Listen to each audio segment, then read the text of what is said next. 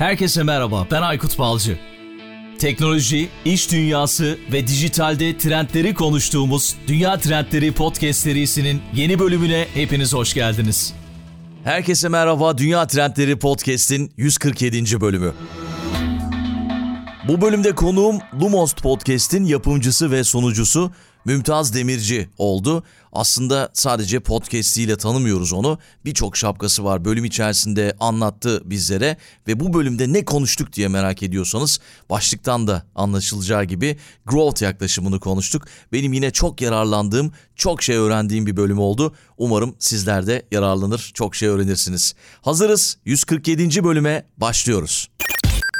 Mümtaz merhaba, selamlar. Dünya Trendlerine hoş geldin. Selamlar Aykut. Ben de iyi bir dünya trendleri dinleyicisi olarak uzun zamandır planladığımız bu birlikteliği sonunda yapabiliyoruz. Mutluyum burada olduğum için. Çok çok sağ ol ama çok özledik yani Lumos'tu. Hemen başta sorayım Lumos ne zaman yeni bölümler başlayacak yeni sezon? Merakla evet. bekliyoruz. Bu yılla birlikte artık yeni bölümlerle karşınızda olmayı planlıyorum deyip yeni bir vaatte bulunuyorum. Bakalım gerçekleşecek mi? Bekliyoruz.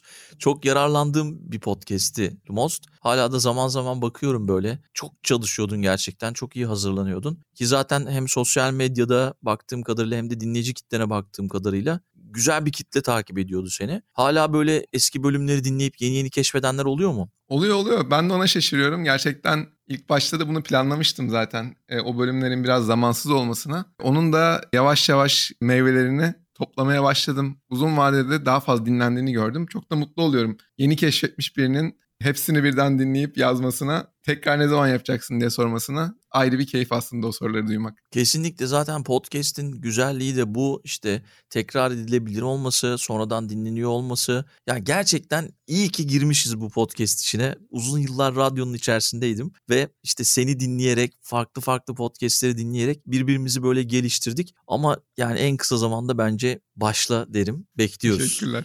Ya kesinlikle öyle ya. Ben de aynı fikirdeyim. Böyle podcast camiasında kendi içinde güzel bir güzel bir enerjisi var. Hepimiz birbirimize destek olmaya da çalışıyoruz. Ee, güzel bir şey yakaladık da. Sana bakıyorum şu an artık 150. bölümlere yaklaştın. Çok güzel rakamlar, çok büyük rakamlar. Umarım daha da büyük rakamlara geleceğim ve daha fazla dinleyiciye ulaşacağım. Buradan bu bölümü Lumos dinleyicilerin de dinleyeceği için mutlaka onların da dinlemesini tavsiye ediyorum. Eğer dinlemeyen varsa dünya trendlerini. Tabii ki bunu şimdi bir ortak bir bölüm gibi düşünebiliriz. Lumos Dünya Trendleri. Ben girişte şey dedim Dünya Trendlerine hoş geldiniz dedim ama Lumos ve Dünya Trendlerine hoş geldiniz diye düzeltmiş olayım. Bu ortak bir yapım bu çünkü. Yani şey senin dediğin çok doğru haklısın. Çok güzel bir ekosistem var podcast ekosistemi. Dinleyicisi çok iyi. O yüzden çok çalışmak gerekiyor. Programlara biraz daha özverili hazırlanmak gerekiyor. Sen de bunu en iyi yapanlardan birisin. O yüzden yeni bölümü tekrar bekliyoruz. Bir kez daha söyleyeyim. Peki şimdi Dünya Trendleri dinleyicileri de seni eminim ki takip edecekler. Ama istersen böyle biraz kendinden bahset. Ve bunu da çok sevmiyorum. Aslında ben genelde konuklarımı kendim tanıtıyorum ama son dönemde neler yapıyorsun? Belki biraz bunlardan bahsedersin. Ve sonra da konumuza gireriz. Growth konuşacağız. Growth yaklaşımını konuşacağız. Önce bir seni dinleyelim. Ben Mümtaz Demirci. Başta söylediğimiz gibi ama yaklaşık hiçbir zaman Lumos Podcast'a başlarken kendi ismimle başlamadım. Biraz garip hissettiriyor. Lumos Podcast'in kimliğinin aslında kendi ismimin önünde gelmesini hep hayal ettim. Ama kendi profesyonel kariyerimde yaklaşık 13 yıldır data, product, strateji ekiplerinde hem uzman olarak çalıştım hem yönetici olarak çalıştım. Yaklaşık bir yıldır da Mars Atletik şirketinin dijital dönüşümüne liderlik ediyorum. Aslında yaptığım iş temelde veri üzerinden ürün stratejisi oluşturmak. E, bu da aslında Lumos'un bölümlerinde yaptığım işe çok benziyor. Biraz böyle düşünebiliriz. Kısaca kendimi böyle tanımlayabilirim belki de. Kesinlikle.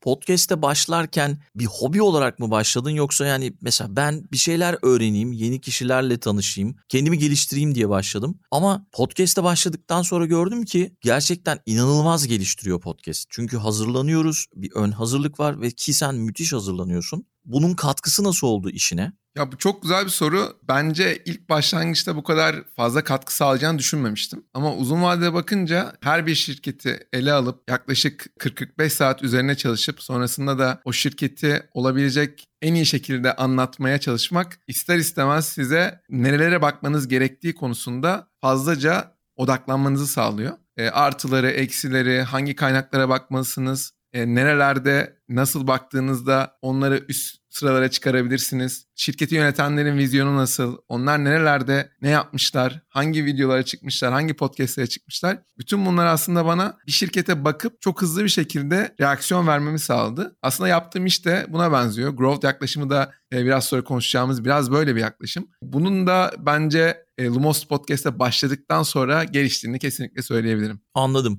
Peki growth dedik yani son yıllarda neden çok fazla duymaya başladık? Belki growth nedir? Bunu tanımlayarak başlayabiliriz. Benim de açıkçası bu podcast konusunu böyle zaman zaman notlar alıyorum. Eminim sen de yapıyorsundur. Aa bu konuyu konuşmalıyız diye. Growth konusu da konuşmamız gereken konulardan biriydi. Merak ettiğimiz bir konuydu. Şimdi growth nedir? Onu senden duymak istiyoruz. Aslında gelecek önümüzdeki 20-25 bölümü ben Lumos'ta buna ayırmayı planlıyorum. Ve buna ayırırken de aslında yaptığım hazırlıklardan bu bölümde çıkardıklarımı sizlere sunmaya çalışacağım. Birazcık o orada anlatacaklarım özeti gibi olacak. Ben soruya cevap vermeden önce bugün anlatacağım birçok başlıkta Brian Balfour, Andrew Chen, Casey Winters, Lenny Rashitsky, Sean Ellis, Eric Peters, Elena Verna gibi isimlerin yazdıklarından sıklıkla yararlandığımı söyleyeyim. Çünkü onlara kendi adıma çok teşekkür ediyorum. Podcast boyunca her noktaya referans veremeyeceğim için başta bu konuyu belirterek başlamak istedim. Sorunun cevabına dönecek olursam da growth en basit tanımıyla müşterilerin değişen güdülerine, tercihlerine odaklanan, müşterilerin ilgilerini çekmeye ve elde tutmaya yönelik bir yaklaşım gibi düşünebiliriz. Geleneksel pazarlama genellikle müşterilere ulaşmak için daha önce denenmiş ya da doğrulanmış tekniklere dayanıyor. Bu teknikleri kullanarak bazı sonuçlar elde edebiliyorsunuz ama getiriler zamanla azalabiliyor. Growth yaklaşımında ise müşterilerin ihtiyaçlarına yönelik kişiselleştirilmiş mesajlar oluşturup sunuyorsunuz. Başta hedef kitleniz olmak üzere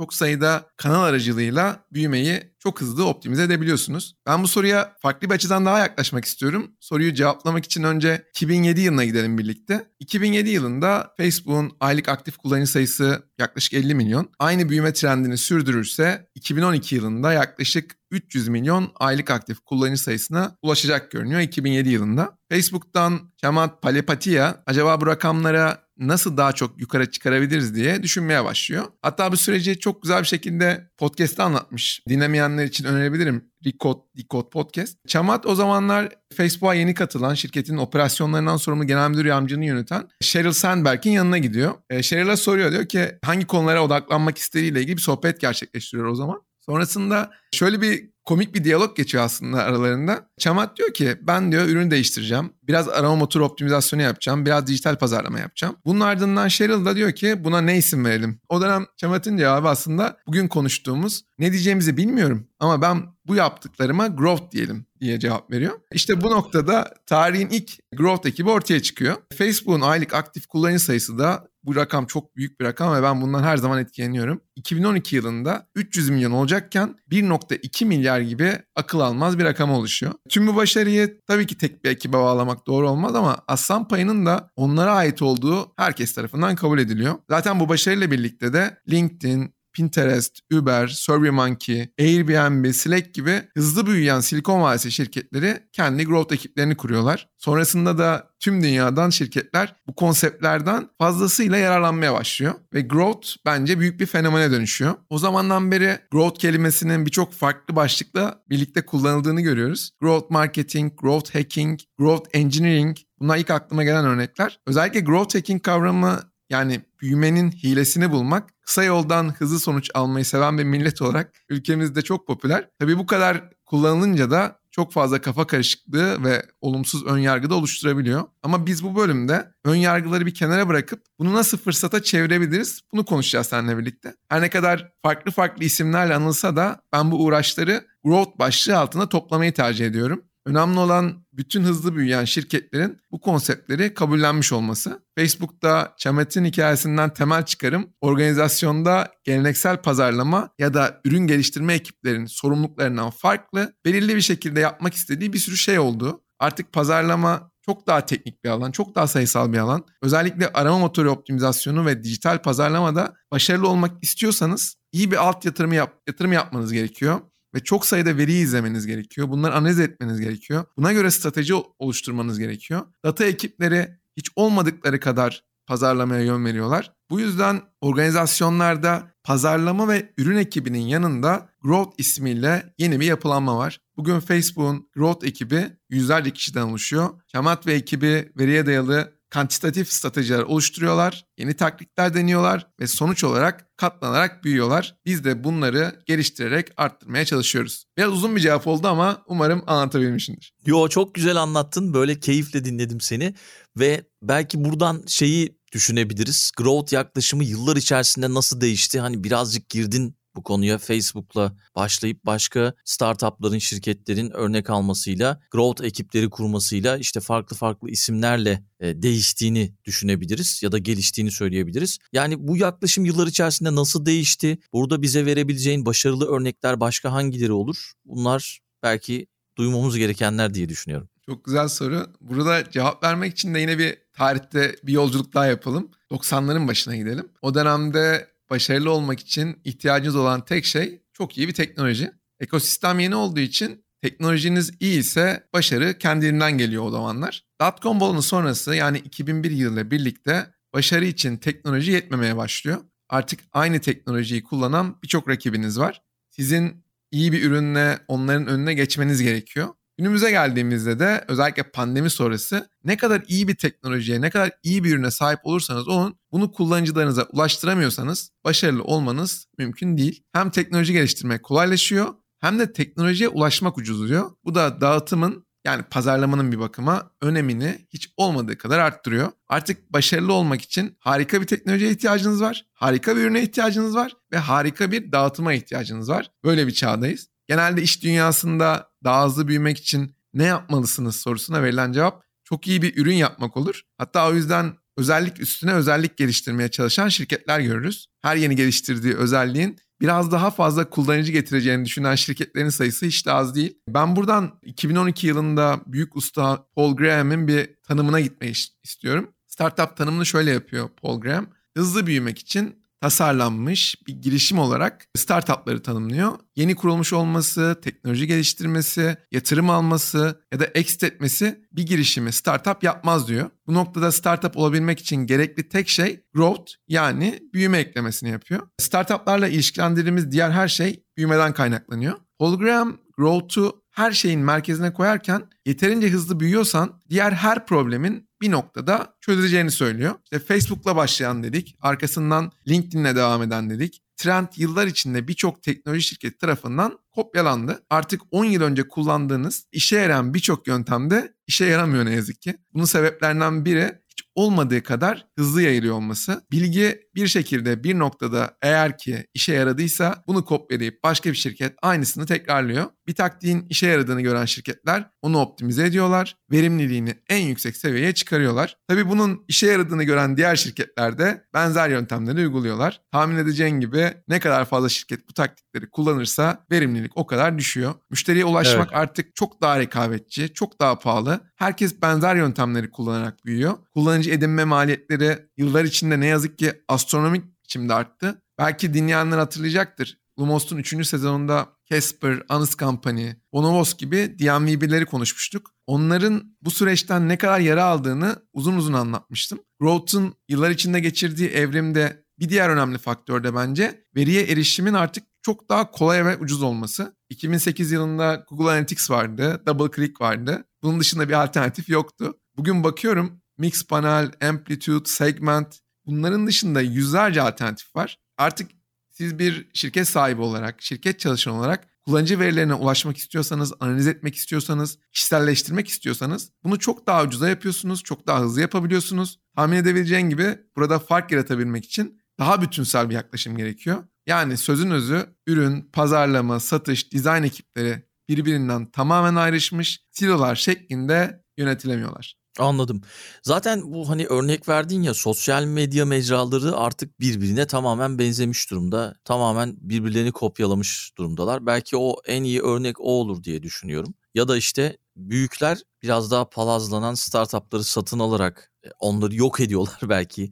Özelliklerini kopyalıyorlar öyle diyebiliriz. En son şu şey örneğini gördük. Mesela Clubhouse yapılmamış bir şeyi yaptı. Satılın alınmaya çalışıldı. Satılmadı ama sonra bunun etkisi düştü. Diğerleri kopyaladı. Kopyalayanlar da sonra mesela LinkedIn yapmaya çalıştı. Twitter devam ediyor yanılmıyorsam. Zaman zaman kapatıyor, açıyor bu Clubhouse özelliğini. İşte podcast'te rakip olacak dendi. O da olmadı. Ama burada işte en güzel örnek herhalde sosyal medya mecraları şu an Kesinlikle, olabilir. kesinlikle. Yani burada Snap, Instagram örneği ya da LinkedIn, Clubhouse örneği, Instagram, TikTok. Instagram, TikTok örneği daha sonrasında. Ama YouTube'da. Twitter mesela ben şuna bakıyorum. Yani Clubhouse'un en iyi nerede çalışabileceğini düşünürdün diye sorsanız muhtemelen Twitter derdim. Twitter tabii. Twitter'da da kendine bir mecra yaratmış gibi. Clubhouse'a göre bence çok daha verimli çalışıyor ama bir noktada belki başka bir şeye evrilebilir.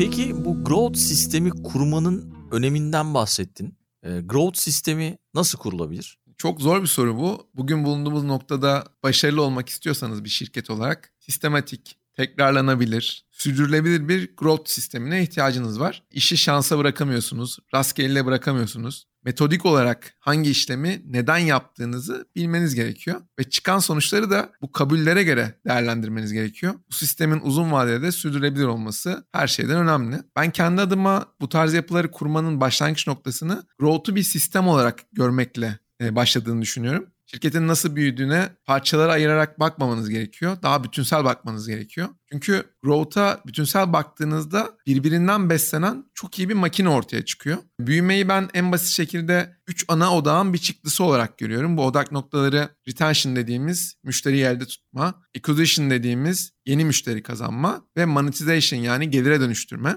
Bu üç ana odak noktası e, birbirini besleyen döngüler şeklinde çalıştıklarında aslında sürdürülebilir ve tekrarlanabilir bir büyüme ortaya çıkıyor. Biz genel olarak bu üçlüyü organizasyonun içerisinde farklı departmanların yönetmesine alışkınız. Pazarlama işte, acquisition'ı, ürün ekibi, retention'ı bu tarz böyle aslında bu üç başlığı yöneten şirket içerisinde ayrı ayrı departmanlar var. Ama bunun yarattığı en büyük handikap alınan kararların bütüne etkisinin göz ardı ediliyor olması. Bence yeni dünyanın beklentisi organizasyonların bu silolardan kurtulması ve aslında bütüne doğrudan odaklanan yeni bir yapılanmanın orada olması. Eğer growth sistemi kurmak istiyorsanız bence ilk olarak bu bütüne odaklanan yapıları şirket içinde konumlamanız gerekiyor. Anladım. Peki growth'un merkezinde ne var diye sorsam şirketler hangi noktaya daha fazla odaklanmalı? Burada bence büyümenin 3 ana odağının büyüme dediğimiz şey aslında 3 ana odağın çıktısı gibi. Müşteriyi elde tutma, retention tarafı yani, acquisition tarafı, yeni müşteri kazanma ve gelire dönüştürme, monetization tarafı. Ancak bu üçlü arasında bir önem sıralaması yapacaksak kesinlikle retention yani müşteriyi elde tutma ilk sırada geliyor. Bana ürünün başarısında en önemli faktörün ne olduğunu sorsam buna hiç düşünmeden müşteriyi elde tutma derim. Mevcut müşterilerinizi kaybetmemeyi aslında tüm büyüme modelinin güç kaynağı gibi düşünebiliriz. Dünyanın en başarılı şirketlerinin ortak noktası nedir diye baksak çok yüksek ihtimal mevcut müşterilerini elde tutmak konusunda başarıları olduğunu görüyoruz. Çünkü müşterilerinizi başarılı şekilde elde tutabiliyorsanız bu sizin hem müşteri kazanımınızı hem de müşterilerinizi gelire dönüştürmenizi pozitif şekilde etkiliyor. Bir örnekle anlatayım. Hani Instagram, LinkedIn, Slack gibi şirketler birey olarak büyüdüler. Yani bir kullanıcı bu tarz sosyal platformlara kayıt olduktan sonra bu kullanıcıların belirli bir yüzdesi arkadaşlarını bu platformlara üye olmak için davet ettiler. Bu davet edilen kişilerin de bir kısmı platforma katıldı. Onlar da benzer bir döngüyü tekrarladılar. Buradan yola çıkarak bu platformlar kullanıcıları ne kadar uzun süre ellerinde tutabilirlerse o kadar çok viral olarak büyüme şansları oldu. Bunun gibi örnekleri fazlasıyla arttırmak mümkün. Peki growth'un temelinde işte üye tutundurma olsa da şirketler daha çok üye kazanımına odaklanmayı seviyor dedik. Belki bunun sebeplerinden bahsedebilirsin bize. Çok güzel bir tespit. Ben bunun ilk sebebinin şirketin retention tarafında iyi olup olmadığını çok daha uzun sürede fark etmesi olduğunu düşünüyorum. Bunu şöyle bir örnek üzerine anlatayım. Diyelim ki A ve B isminde iki tane şirket var. A şirketi her ay 100 bin tane yeni üye kazanıyor. B şirketi ise çok daha iyi performans gösteriyor. 200 bin üye kazanıyor. İlk bakışta hemen her şirket, hemen her kişi B'nin A'dan çok daha iyi performans gösterdiğini düşünebiliyor. Ancak burada belirleyici olan iki şirketin de müşterilerini ne kadar iyi elde tuttuklarına bağlı. Diyelim ki A şirketinin elde tutma oranı %80. Yani her ay kullanıcılarının %20'sini kaybediyor. B şirketinin elde tutma oranı ise %50. O da yaklaşık %50'sini her ay kaybediyor. Böyle baktığımızda birinci yılın sonunda A şirketinin toplam üye sayısı yaklaşık 450 bin lira geliyor. B şirketinin üye sayısı ise 400 bin lira geliyor. Yani zaman gittikçe de bu fark açılıyor. Yani ilk bakışta düşündüğümüz B şirketi A'dan daha fazla kullanıcı getiriyor diye e, B şirketi A'dan daha büyük bir kullanıcı kitlesine sahip olmuyor. Şirketlerin üye kazanımına odaklanmalarının bir başka sebebi de aslında rakamlar üzerinden kendilerini çok iyi kandırıyor olmaları. Bazen bir şirketin aylık aktif kullanıcı sayısına bakıyorsun ve çok hızlı şekilde büyüdüğünü görüyorsun. Sonra analize devam ediyorsun ve şunu fark ediyorsun. Ben bunu çok yaşadım. Şirket her ay kullanıcılarına bir sürpriz ödül veriyor ve bu ödül duyurusu için kullanıcılarına bir push notification gönderiyor, bildirim gönderiyor. Bu bildirime tıklayan her kullanıcı şirket için aktif kullanıcı olarak sayılıyor. Bunun dışında bir kitleye baktığınız zaman uygulamaya pek de fazla girmediklerini görüyorsun. Bu kullanıcılar şirket için aktif gibi görünseler de durum gerçekte öyle değil. Büyümeyi ya da müşteriyi elde tutma oranını yanlış metriklerle iyi göstermek gerçekten çok kolay. Ben bu yüzden şirketlerin birazcık daha kendilerini kandırmak için retention yerine acquisition'a odaklandıklarını düşünüyorum. Anladım. Peki retention yani üye tutundurma nasıl iyileştirilebilir? Bunu hangi şirketler iyi yapıyor? Neleri başarılı yapıyorlar? Belki bundan bahsedebiliriz. Bence burada ilk yapmamız gereken problemi doğru tanımlamak. Üye tutundurma aslında tüm ürün deneyiminin bir çıktısı. Bu deneyimi doğru anlayabilmek için kullanım senaryolarını çıkarmak çok iyi bir başlangıç noktası bence. Kullanıcılarınızın gözünden siz nasıl bir sorun çözüyorsunuz? İşte bu sorunu kimler yaşıyor? Yani hedef kitlenizin özellikleri ne? Bu sorunu çözmek için kullanıcılar sizin ürününüzü neden seçiyorlar? İlgili sorunu çözmek için bu kullanıcıların alternatifi ne? Kullanıcılarınız bu sorunu ne kadar sık yaşıyorlar? İşte bu soruların her birine her bir kullanım senaryosu için cevap vermek gerekiyor. Bu işlemi tamamladıktan sonra da sırada üye tutundurmayı ölçmek için doğru bir metrik belirlemek var. Eğer daha fazla kullanıcının sizinle kalmasını istiyorsanız öncelikle tüm bu soruları doğru şekilde cevaplamanız gerekiyor. Sonrasında ise işin daha zor kısmı başlıyor. Bence burayı birçok şirket doğrudan şekilde atlıyor. Nedir bu zor olan kısım? Kullanıcılarınızın ürününüze alışkanlık kazanmasını sağlamak. Buraya kadar konunun temellerinden bahsettim. Peki senin soruna dönecek olursam üye tutundurmayı nasıl iyileştirebiliriz?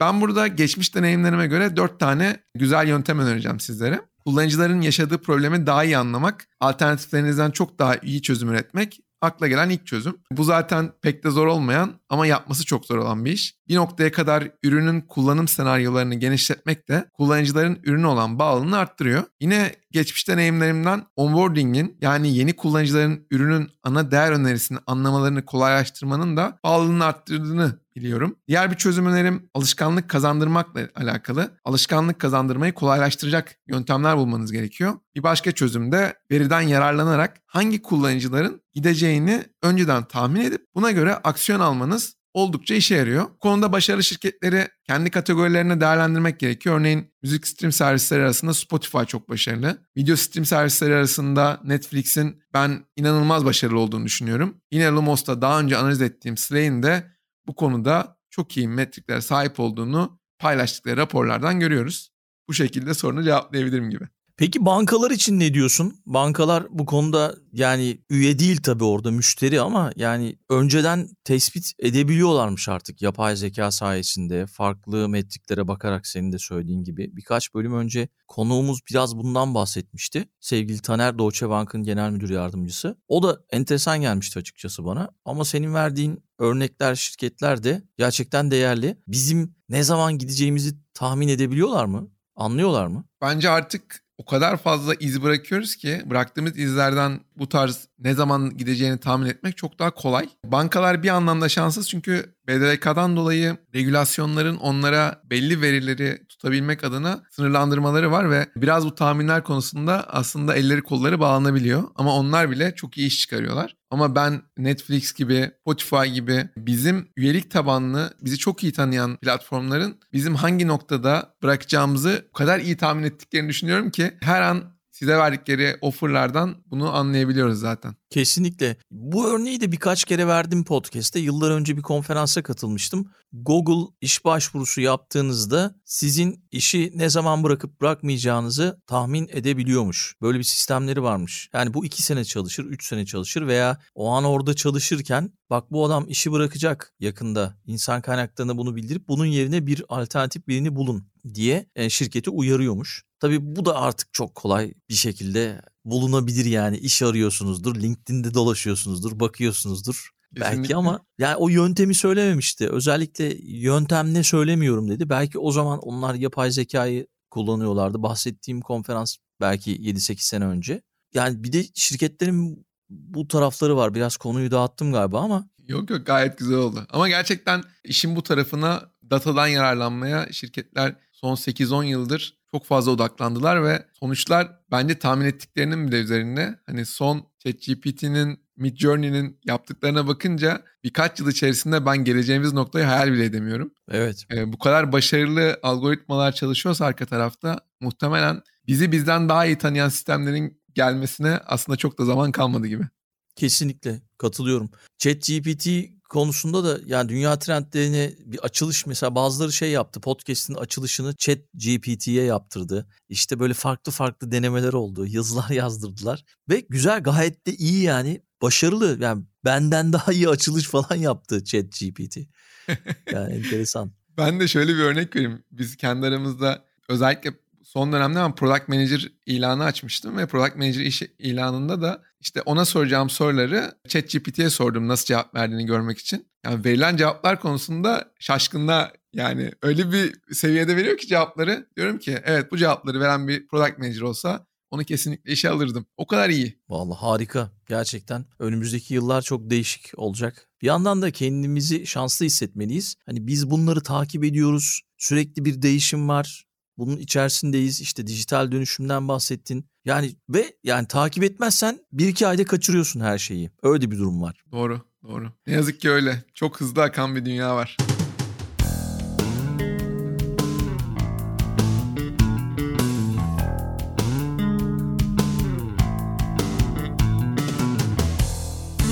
Evet. Peki şeyden bahsettin ya üye tutundurma başarısından. İşte bu üye tutundurma başarısıyla alışkanlık kazandırma arasında doğrudan bir ilişkiden bahsettin yanılmıyorsam. Evet. doğru. Şirketler ürünlerine nasıl alışkanlık kazandırabilirler? Belki bundan bahsedebilirsin. Ya bu çok zor bir soru ama burada aslında reklamcılar benden çok daha iyi cevap vereceklerdir. Ben de bir reklamcıya aslında referans vereceğim bu soruya cevap verirken. Claude Hopkins aramızda dünya trendleri arasında aslında çok iyi Hopkins'i tanıyan insanlar vardır. Onun çok bilinen bir kampanyasını e, anlatacağım. 20. yüzyılın başlarında Amerika'da diş sağlığı çok büyük problem. İnsanların diş fırçalama alışkanlıkları yok. İşte Claude Hopkins çok yaratıcı bir Pepsodent reklamı yapıyor. Onların diş fırçalama alışkanlığı kazanmasını sağlıyor. Hopkins alışkanlık kazandırmayı 3 aşamalı bir döngü olarak tanımlamış o dönem. İnsanlara önce sattığı ürünün onların önemli bir ihtiyacına cevap verdiğini düşündürecek bir işaret sunuyor. Bu işareti gören tüketiciler de ürünü düzenli bir şekilde kullanmaya sevk ediliyorlar. Buna da rutin diyor aslında. Kullanım sonucunda da onlara bir ödül veriyor. Ödül vaadinde bulunuyor. Bu işaret, rutin, ödül şablonunu bu kadar basit bir şekilde kurguluyor ki çok da net bir şekilde anlatıyor. Bir ihtiyaçla ilişkilendiriyor. Tatmin edici bir ödülle de destekliyor. Bu döngü çok kısa bir sürede milyonlarca insan için vazgeçilmez bir alışkanlığa dönüşüyor. Bu sayede Amerikalılara dişlerini fırçalatmak için güçlü bir aslında alışkanlık vermiş olmuş Hopkins. Biraz konuyu da açayım daha nasıl bunu yapmış ondan bahsedeyim. İşte Amerikalılara dişlerini fırçalatmak için güçlü bir işaret aramış başlangıçta. Aradığı cevabı da dişlerin üzerinde oluşan bu tabakayı diş fırçalama rutini yaratmak üzere bir işaret olarak kullanmış Hopkins.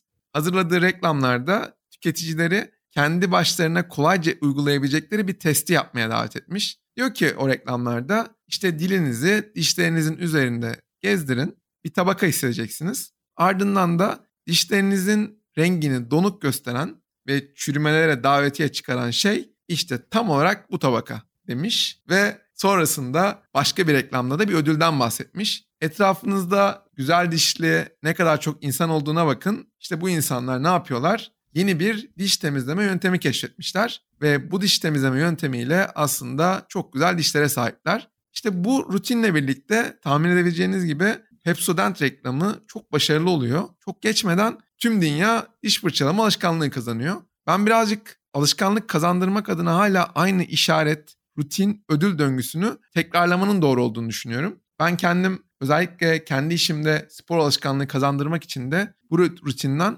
fazlasıyla yararlanıyorum. Bu yıllar önce yüksek lisansta bir hocamızın bize anlattığı örneğe benzer. Biliyorsun hazır çorbalar var. İşte bu hazır çorbaları Türkiye'ye pazarlamak için bir şirket geliyor yanılmıyorsam Knorr. Ama bu çorbaları kimse yapmayı bilmiyor. Yani beceremiyorlar. İnsanlar şey zannediyorlar. Suyu koyuyorsun, çorbayı atıyorsun, kaynatıyorsun. Oldu. Ve daha sonra şey yapıyorlar. Yani şunu fark ediyorlar. Bizim bu çorbanın nasıl yapıldığını anlatmamız lazım insanlara. Çünkü insanlar tercih etmiyorlar. İnsanlardan kasıt da şu. Kimi odaklayacağız biz? Kim yapıyor çorbayı? Tabii ki ev hanımları. Bilmiyorum sen hatırlıyor musun? Doğru doğru güzel güzel örnek. Aslında tam olarak bunu e, bu da bir alışkanlık rutini kazandırmak adına yapılan işlerden biri hatırlıyorum. Ve şey yani ev hanımlarına eğitim vermişler hazır çorba nasıl, yapılır eğitimi. Mesela Amerika'da bu tutmamış çünkü Amerika'da hız çok daha önemli. Yani bu çorba olayı tutmamış Amerika'da. O zaman da o çabuk çorba olayını çıkartmışlar. İşte yani suyu koyuyorsun, çorbayı atıyorsun. Amerika'da biraz daha böyle uzun gelmiş insanlar ama Avrupa tarafı çorbanın yapımını, o hazır çorbanın yapımını süreye çok takılmamışlar ve orada tutundurmayı başarmışlar. Bu verdiğin örnekle belki benzeşiyor mu bilmiyorum benzeşiyor, ama Bence benzeşiyor. Bence yani, benzeşiyor. Kesinlikle alışkanlık kazandırmak şey için çok mantıklı. Aynen. Peki şeyden bahsetsek bu growth sisteminin içerisinde üye kazanımı tarafı nasıl işliyor? Burada zaman içerisinde neler değişti? Hani benim verdiğim de örnek var, senin verdiğin de örnekler var. Belki bunlardan bahsedersin. Olur. Aslında çok uzun yıllar böyle growth deyince akıllara böyle bizim dünyamızda marketing funnel yani pazarlama hunisi geliyordu. Ama son yıllarda bu yaklaşım yerini böyle growth loop'lara bıraktı. Yani büyüme döngülerine bıraktı. Mecburen bazı noktalarda İngilizce Türkçe gitmek zorunda kalıyorum. Çünkü gerçekten burayı sadece Türkçe olarak tanımlamak zor. E, kısaca bu funnel ve e, loop arasındaki farktan bahsedeyim. Aslında her iki yöntemde bir şirketin nasıl büyüdüğünü daha iyi anlamamızı sağlıyor. Biz marketing funnel'a korsan metrikler diyorduk eskiden. Böyle Huni modeliydi bu. Bunu çıkaran kişi 500 Startups'ın kurucusu Dave McClure'du. Bu modelde kullanıcının hayat döngüsünü 5 bölüme ayırıyordu Dave. Tepede aslında acquisition var yani müşteri kazanımı vardı. Burada cevaplamaya çalıştığımız soru şu oluyordu. Potansiyel kullanıcılarımızı sitemize ya da uygulamamıza nasıl getirebiliriz? İkinci adımda e, aslında yukarıdan aşağı doğru küçülen bir huni hayal edin. İkinci adıma geçtik. Activation var. Yani kullanıcıların ürününü kullanmasını sağlama. Burada cevaplamaya çalıştığımız soru da getirdiğimiz kullanıcıların iyi bir deneyim yaşayıp yaşamadığı. Üçüncü adıma geçtiğimizde retention var. Yani üye tutundurma. Burada kullanıcıların bağlılığını arttırıp ürün ya da hizmetlerimizi tekrar tekrar kullanmalarını nasıl sağlarız sorusuna cevap bulmaya çalışıyoruz. Dördüncü adıma geldik. Referral var. Yani davet yoluyla yeni kullanıcı edinme elimizdeki kullanıcıların bize yeni kullanıcılar göndermelerini nasıl sağlayacağımız sorusuna cevap bulmaya çalışıyoruz bu adımla da. Son aşamada ise gelir kısmı var. Tüm bu kullanıcılardan nasıl gelir elde ederiz? Bunu bulmaya çalışıyoruz bu adımla da. Huni benzetmesinden anlaşılacağı üzere bahsettiğim her adımda kullanıcı sayısı adım adım azalıyor. Ben çok uzun yıllar Growth'a bu model üzerinden yaklaştım. Aslında çok da güzel çalışan bir model. Ama yıllar içinde bu model de kendini daha yenilikçi bir şeye bıraktı. Ama bu modelin bir tane problemi var. Büyük organizasyonlarda her bir adım farklı bir ekibin sorumluluğunda. İlk başta da söylemiştim. Benim geçmiş deneyimlerimde acquisition tarafından pazarlama ekibi sorumluydu. Retention tarafından ürün ekibi sorumluydu. Bütün bu adımlara böyle bütünsel bakılmadığında istenen sonuçları elde etmek çok zor oluyordu. Ben bunu yaşadım geçmişte. Bu modelin bir başka problemi de tek yönde çalışıyor bu model. Yukarıdan ne kadar fazla kullanıcı gelirse aşağıdan o kadar fazla kullanıcı çıkıyor.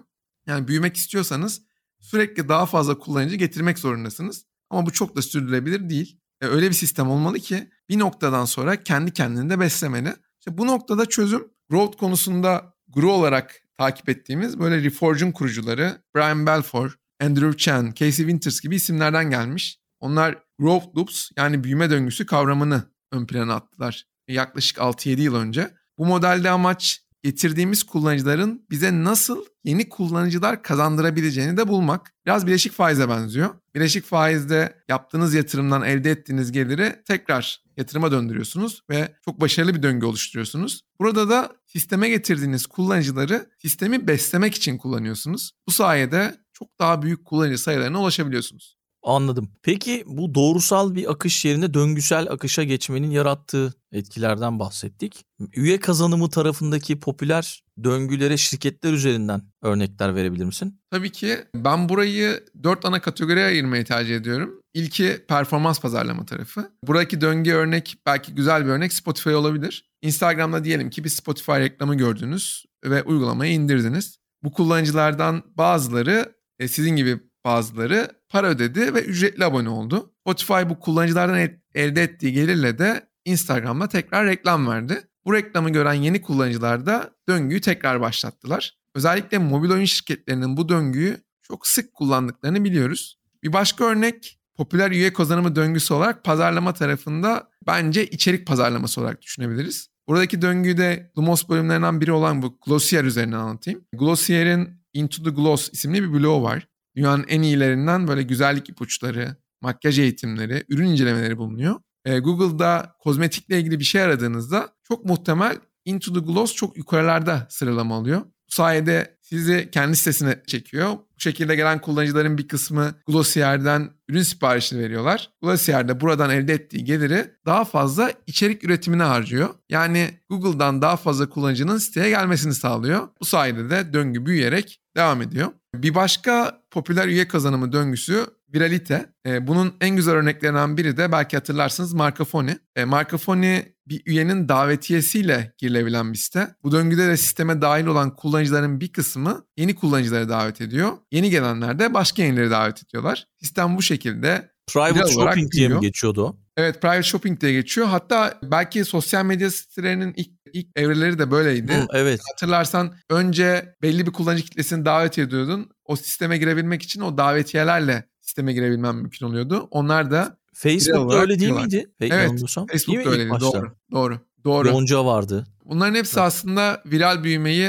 sonuna kadar kullandılar. Bir başka döngü örneği de satış döngüleri. Bu birazcık mesela Salesforce var burada. B2B şirketler çok kullanıyor. Burada da satış personeli potansiyel müşterilere gidiyor, onları satışa dönüştürüyor. Bu sayede şirketler elde ettiği geliri de daha fazla satış personeli almak için kullanıyorlar. Bu da döngünün tekrar tetiklenmesini sağlıyor. Aslında en popüler döngüler, böyle üye kazanımı tarafındaki döngüler bu anlattığım dört döngü. Tekrar etmek gerekirse e ne dedik? Performans pazarlama, içerik pazarlama, viralite ve satış döngüleri. Kesinlikle katılıyorum. Bu arada Spotify ile ilgili verdiğin örnek çok güzeldi. Geçtiğimiz günlerde bununla ilgili de bir kitap yayınlandı. Orada da ayrıntılı bir şekilde anlatılıyor. Spotify, Apple, Google ve Amazon'u nasıl yendi diye bir kitap. Bilmiyorum duymuş muydun ya da Duydum, duydum. Çok henüz okuma fırsatım olmadı ama bir başka içerik de şey çok güzel bence. Spotify'ın kuruluş hikayesini anlatan Netflix'te bir dizi var. Evet. Ee, onu onu E, da onu tavsiye izledim. ederiz. Onu izledim.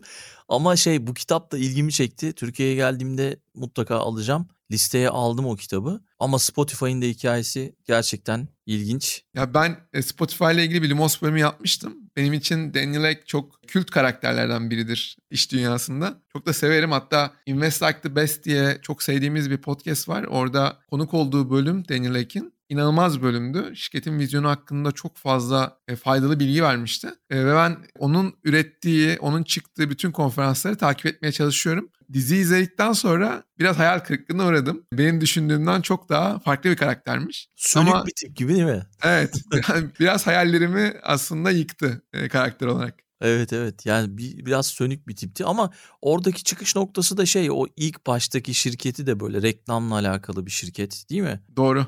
Doğru. İlk Ondan başta sonra bir reklam evet bir reklamı sonrasında ilk başta öyle başlıyor ama sonra o şirketi sattıktan sonra yeni bir hikaye başlıyor hayatında. Yeni bir hikaye başlıyor. İşte hep de diyorum mesela bu örnekleri veriyoruz. İşte bizden startup çıkmıyor. İşte bir iki tane çıktı. Getir çıktı. Onun dışında ne vardı? Bir oyun şirketi vardı. Peak Games var. e, çok başarılı. Gram Games, Peak Games, Insider, Getir, Yemek Trend Sepeti, yolu sayabilir miyiz? Trend, Trend yolu. Yol. Kesinlikle yani bunların hepsi bence çok başarılı örnekler. Umarım artarak devam eder ama ben benim gördüğüm özellikle oyun tarafında Türkiye e, dünyada artık en önlerde sayılan ülkelerden biri. Mobil oyun tarafında çok iyi şirketler çıkarıyoruz ve çıkarmaya da devam edeceğiz gibi. Kesinlikle yani işte bir de o insanların yani işte İsveç kaç kişi diyorlar hep örneği veriyorlar ya. İsveç kaç kişi ama işte Spotify oradan çıkıyor milyar dolarlık şirket işte SoundCloud vardı onun öncesinde o da bir müthiş müzik sektörü için katkı sağlıyordu. Yine İsveç'ten işte Ikea var onunla ilgili bölüm yapmıştın galiba yanılmıyorsam. Evet doğru. Doğru. Ya bir sürü şirket var. Şunu söylemişlerdi yanılmıyorsam. Yani bu şirketlerin 8 milyon kişi olduğu için kuruluşları ulusal olarak başlıyor. Ama bizim şirketlerimiz başlarken kendi lokalde çok doğru. Kendileri lokale odaklanıyorlar. Çünkü 85 doğru. milyon kişi var. Ama onlar mecburen, mecbur oldukları için başlarken uluslararası düşünüyorlar. Çünkü 7-8 milyon ya da 10 milyon kişi yaşıyor orada. Doğru. Odakları farklı, düşünceleri farklı. Bizim startupların düşünceleri farklı. Yani bizim startup 85 milyona da hitap etse belki onu tatmin ediyor başlarken. Çok çok Böyle doğru bir örnek, örnek vermişlerdi. Evet çok doğru bir örnek. Bence burada bir başka ülke olarak İsrail örnek verebiliriz. İsrail de aynı şekilde. İsrail'den çıkan startuplar da globale odaklanarak başlıyorlar. Bence mobil oyun tarafında bizi zaten başarılı kılan şey Türkiye odaklanarak başlamıyor olmamız. Ee, başlangıçta bile aslında global olarak başlayabilecek bir fikir üzerinden yola çıkıyorlar ve o yüzden çok daha başarılı oluyorlar. Onun gibi global örnekleri başka sektörlerde bulmak çok kolay değil. Mesela Getir örneği evet Amerika'da, Avrupa'da o ülkeler açılarak tekrarlanmaya çalışılıyor. Ama oyunda olduğu gibi bunu farklı bir ülkeye açmak çok kolay değil. Kesinlikle bir de mesela en inovatif ülkeler işte 2022 yılının işte en RG'ye en çok para harcayan ülkeler sıralamalarına baktığımızda o İsrail'i görüyoruz, İsveç'i görüyoruz. O ülkeler hep böyle ilk 5'te ilk 10'da. Doğru. Belki devletlerin buna da dikkat etmesi gerekiyor. Yani kendi devletimizin. Bizim de buna dikkat etmemiz gerekiyor. Araştırma geliştirmeye ne kadar para ayırıyoruz bilmiyorum ama o insanlar böyle milyar dolarlar ayırıyorlar. İnovasyon konusunda çok daha fazla yatırım yapıyorlar. O yüzden de ortaya güzel şeyler çıkıyor diye düşünüyorum. Peki şeyden bahsetsek büyük üçlüden sonuncusuna yani gelire dönüştürme tarafına gelsek. Burada karı maksimize etmek için en iyi yöntem hangisi? Nedir? Belki bunu anlatırsın bize. Gelire dönüştürme tarafı üye kazanımı ve üye tutundurma ile birlikte düşünülmek zorunda olan bir alan. Yani bunu ayrı bir şekilde düşünemiyorsunuz. Burada en çok yapılan hata bence rakiplerin fiyatını kopyalamak oluyor. Fiyatlandırma söz konusu olduğunda tahminde bulunmak bence en yapmak istemeyeceğiniz şey karı maksimize etmek için keşke tek bir sihirli yöntem olsa ama ben olduğunu sanmıyorum. E, bunu her ürün üzerinde ayrı düşünmek gerekiyor. İçinde bulunduğumuz dönemde bence güzel bir örnek böyle ücretsiz üyelikler. Onun üzerinden büyümek çok popüler bir yöntem. Bu çok kalabalık bir pazarda dikkat çekmenin de en kolay yolu. Ayrıca ürünü denemek isteyen kullanıcıların önünde bir bariyer varsa onu tamamen ortadan kaldırıyor bu ücretsiz verme yöntemi. Buradaki en güzel örneklerden biri bence Robinhood. Yine bir Lumos bölümü konuşmuştuk Robinhood'u. Robinhood normalde komisyon vererek yaptığınız borsada alım satım işlemini tamamen bedava hale getiriyor. Ancak bunun paralelinde müşteri emirlerini piyasa yapıcılara satarak para kazanıyor. Potansiyel müşterilere ürünün tamamını satın almaları umuduyla deneme sürümünü açmak da bir başka popüler yöntem bence. Kim bunu evet. uyguluyor? Hatırlarsın böyle Red Bull'un üniversitelerde bolca bedava ürün dağıtması ya da Uber sürekli ücretsiz kuponlar veriyor. Yine Türkiye'de Getir, Yemek Sepeti bunu çok yapıyordu kupon üzerinden büyümeyi. Amazon Prime'ın ücretsiz kargosu. Bunlar aslında bedavanın gücünden fazlasıyla yararlanan şirketler. Canva'yı örnek gösterebilirim. O da o modelle çok inanılmaz büyüdü. Doğru, doğru. Yani benim kullandıklarım arasında sonradan ücretsizi kullanıp ücretliye geçtiklerim arasında mesela Canva var.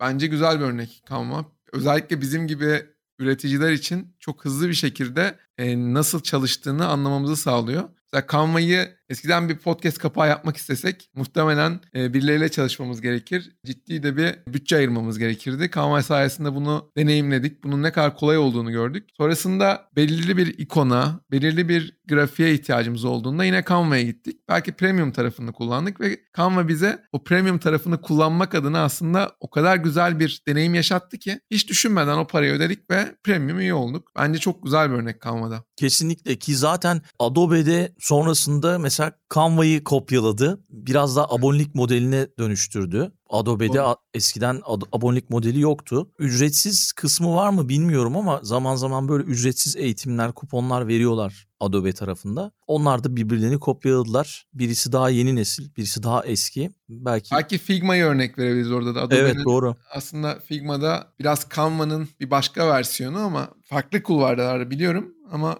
Figma'da aynı şekilde Adobe'nin radarında olan şirketlerden biriydi ve sonunda güzel bir miktar ödeyerek satın almayı gerçekleştirdiler. Belki bir noktada Canva'yı da satın alabilirler. Çünkü gerçekten kendileri için çok önemli bir tehdit haline geldiler bence. İşte büyümenin büyük balık küçük balığı yutar Evet. yöntemi diyebiliriz. Peki buradan belki kullanıcı psikolojisi tarafına geçiş yapabiliriz. Psikoloji growth'un neresinde var? Belki bundan bahsedebilirsin bize. Bu alışkanlık kazandırma konusu zaten aslında burayla doğrudan ilişkili.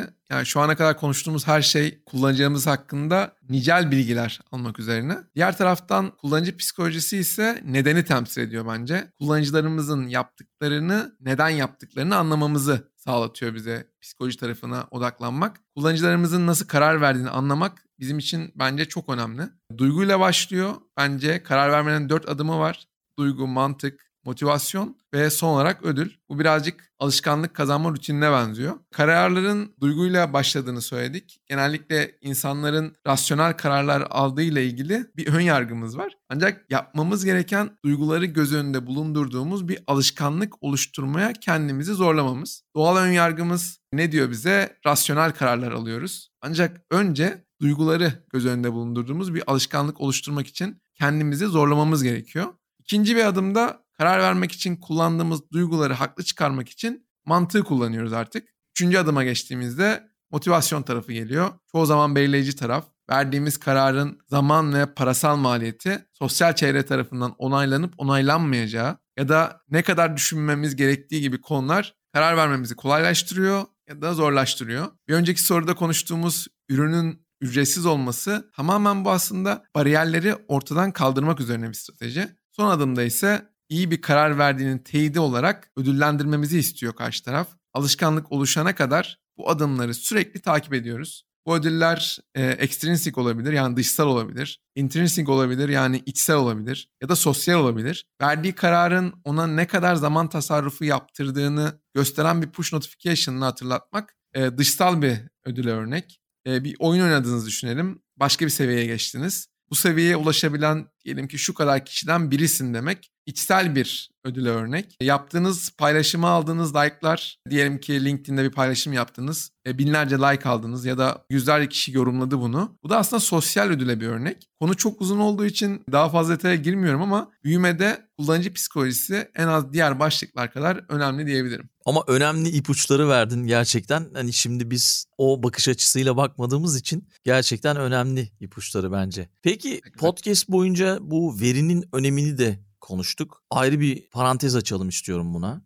Veri konusuna. Veriye dayalı ürün yönetiminin temellerinden belki bahsedebiliriz. Olur. Çok güzel bir soru. Hikayeye bu kez stratejiyle başlayalım. Strateji dediğimiz zaman çoğumuzun aklına şu geliyor bence. Ben en iyi şirket nasıl olabilirim? Ya da operasyonel verimliliğimi nasıl arttırabilirim? Şimdi bu sorular aslında birazcık bizi yanlış yöne çekiyor. Hangi işi yapıyorsak yapalım hepimiz en iyi olmak istiyoruz ama benzer işleri rakiplerden daha iyi yapmak ne yazık ki strateji olmuyor. Çünkü bunu kopyalamak çok kolay. Baştan beri growth taktiklerinden bahsediyorum. Ama problem şu ki growth taktiklerini uygulayan şirketler arttıkça aslında büyümek çok zorlaşıyor. Stratejinin başlangıç noktası farklı olmakla ilgili. Yani rakiplerden ayrışmakla ilgili. Bu noktada soru şu olabilir. Rakiplerinizden nasıl ayrışabilirsiniz? Ben kişisel olarak bunun sahip olduğum veriden çıkardığım değerle doğru orantılı olduğunu düşünüyorum. Yani strateji farklı olmakla ilgili. Farklı olmak da ancak veriden değer yaratarak mümkün. Bu noktada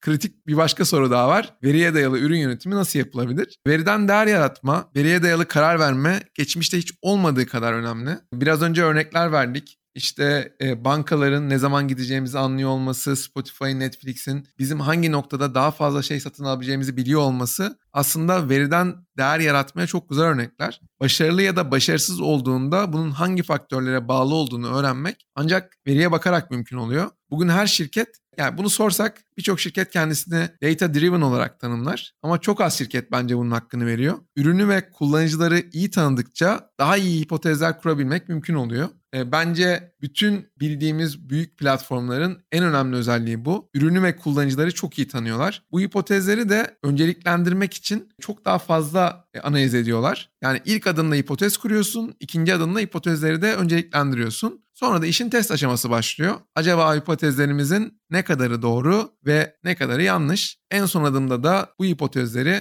nasıl ölçeceğiz? Başarımız hangi metriklere bağlı? Bunu anlamaya çalışıyoruz. Eğer hipotezimiz başarılıysa bunu canlıya alıyoruz. Yani yeni bir test süreci için başka bir fikri test etmeye başlıyoruz. Aslında işin en zor kısmı bu yapıyı oluşturabilmek. Ben geçmişten beri bu yapıyı oluşturmaya çok zaman ayırmış biri olarak öncelikle bu yapıyı kurmanın bu yapıyı kurmaya inanmanın en önemli strateji olduğunu düşünüyorum. Eğer ki veri üzerinden büyümeye inanıyorsanız buna start vererek ilk adımı, doğru adımı atmış olacaksınız. Mümtaz çok teşekkür ediyorum. Her şeyi sordum herhalde. Çok güzel bir bölüm oldu. Umarım bizi dinleyenler için yarar sağlamışızdır. Biliyorsun ben Biliyorum ben de. kapatmadan önce her zaman konuklarımdan bir kitap önerisi istiyorum. Birkaç kitap bölümün içerisinde önerdik ama belki sen de bize son dönemde okuduğun, sevdiğin bir kitap önerebilirsin. Tabii ki ya aslında çok fazla kitap var ve çok fazla kitap arasından ben son okuduğum çok da beğendiğim bir kitabı önereceğim. Andrew Chen, Andrew Chen'den bahsettim. The Cold Start Problem diye bir kitabı var. Tam olarak bu growth üzerine çok sevdiğimiz bir kitap. Ben okurken uzun bir süredir Andrew Chen çok iyi bir blog yazarıydı. Çok uzun bir süre bu kitabı yayınlamak için blog yazarına ara vermişti. İyi ki ara vermiş. Harika bir kitap çıkmış ortaya. Mutlaka herkesin okumasını tavsiye ediyorum. Peki paylaşacağız bunu podcast'ın açıklama kısmında ve senin bilgilerini de paylaşacağım. Lumos'un tüm bilgilerini podcast'ın açıklama kısmında bulabilirsiniz. Belki kapatmadan yine bir son sözlerini alabiliriz. Ondan sonra da veda eder kapatırız diye düşünüyorum. Uzun süredir mikrofon başına geçmemiştim. Çok mutlu oldum tekrar burada olmaktan. Çok güzel sorular geldi. Çok teşekkür ederim Aykut. Umarım dinleyenler growth yaklaşımını anlatabilmişizdir. Onlara faydalı olmuştur anlattıklarımız. Evet, teşekkür ediyorum beni konuk aldığın için. Ben de sana çok çok teşekkür ediyorum. Efsane bölümlerden biri oldu yine. Growth yaklaşımını çok güzel bir şekilde anlattın. Çok sağ ol. Yeniden buluşmak üzere. Tekrar Lumos'ta da bekliyoruz. Podcast ekosistemi için önemli bir podcast. Görüşmek üzere. Hoşçakal. Teşekkürler Aykut. Görüşmek üzere. Kapatmadan önce Patreon destekçilerimize de teşekkür edelim. Recep Topçu, Serdar Sungur, Onur Atakan, Nilay Atalay, Kübra Karaman, Necdet Dikmen, Birol İnci ve Ahmet Uçar'a sonsuz teşekkürler. Eğer siz de Patreon üzerinden destek olmak isterseniz podcast'in açıklama kısmında Patreon linkini bulabilirsiniz. Dünya Trendleri Podcast serisinin bu bölümünün sonuna geldik. www.dünyatrendleri.com Twitter'da @dünyatrendleri, Instagram'da dünya.trendleri adreslerinden Dünya Trendleri Podcast'i takip edebilirsiniz. Unutmayın önerileriniz ve merak ettikleriniz içinse info gmail.com adresinden mail atabilirsiniz. Bu bölümü dinlediğiniz için çok teşekkürler. Yeni bölümde tekrar buluşmak üzere.